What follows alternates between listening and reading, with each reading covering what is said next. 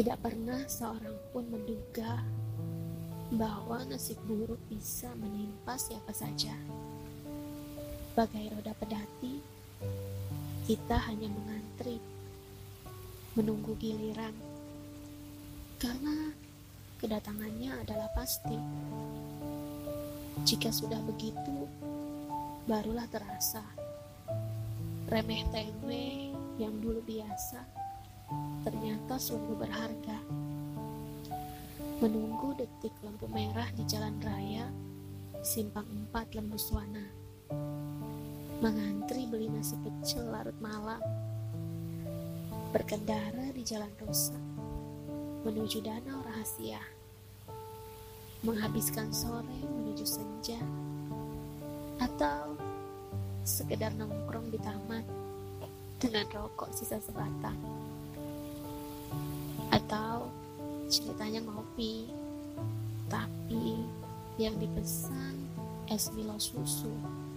Sambil merencanakan mau camping di mana akhir pekan depan.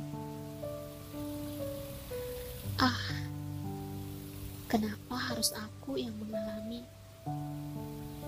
Banyak orang jahat memakai dasi merampas duit rakyat untuk memperkaya diri kenapa harus aku yang tinggal di kotak persegi ini. Aku sering lupa jalan pulang. Lebih banyak mengembara di jalanan.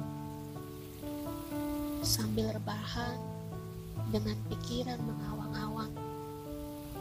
Aku ingat janji untuk datang ke rumah abadi ibu. Tapi tidak juga aku datang meski jarak seperti melipat buku. Dekat, tapi langkahku berat. Sekarang aku jadi tahu makna janji, meski cuma janji di dalam hati. Aku ingin pulang ke rumah, meski sederhana, tapi banyak cinta. Adik-adik yang beranjak remaja dan bapak yang semakin menua. Aku ingin menjadi bagian dari mereka yang kusebut semesta.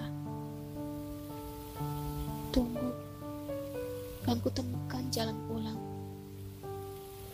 Kalau bukan tahun ini, mungkin tahun depan. Kalau bukan sekarang, esok, mungkin ada kepastian.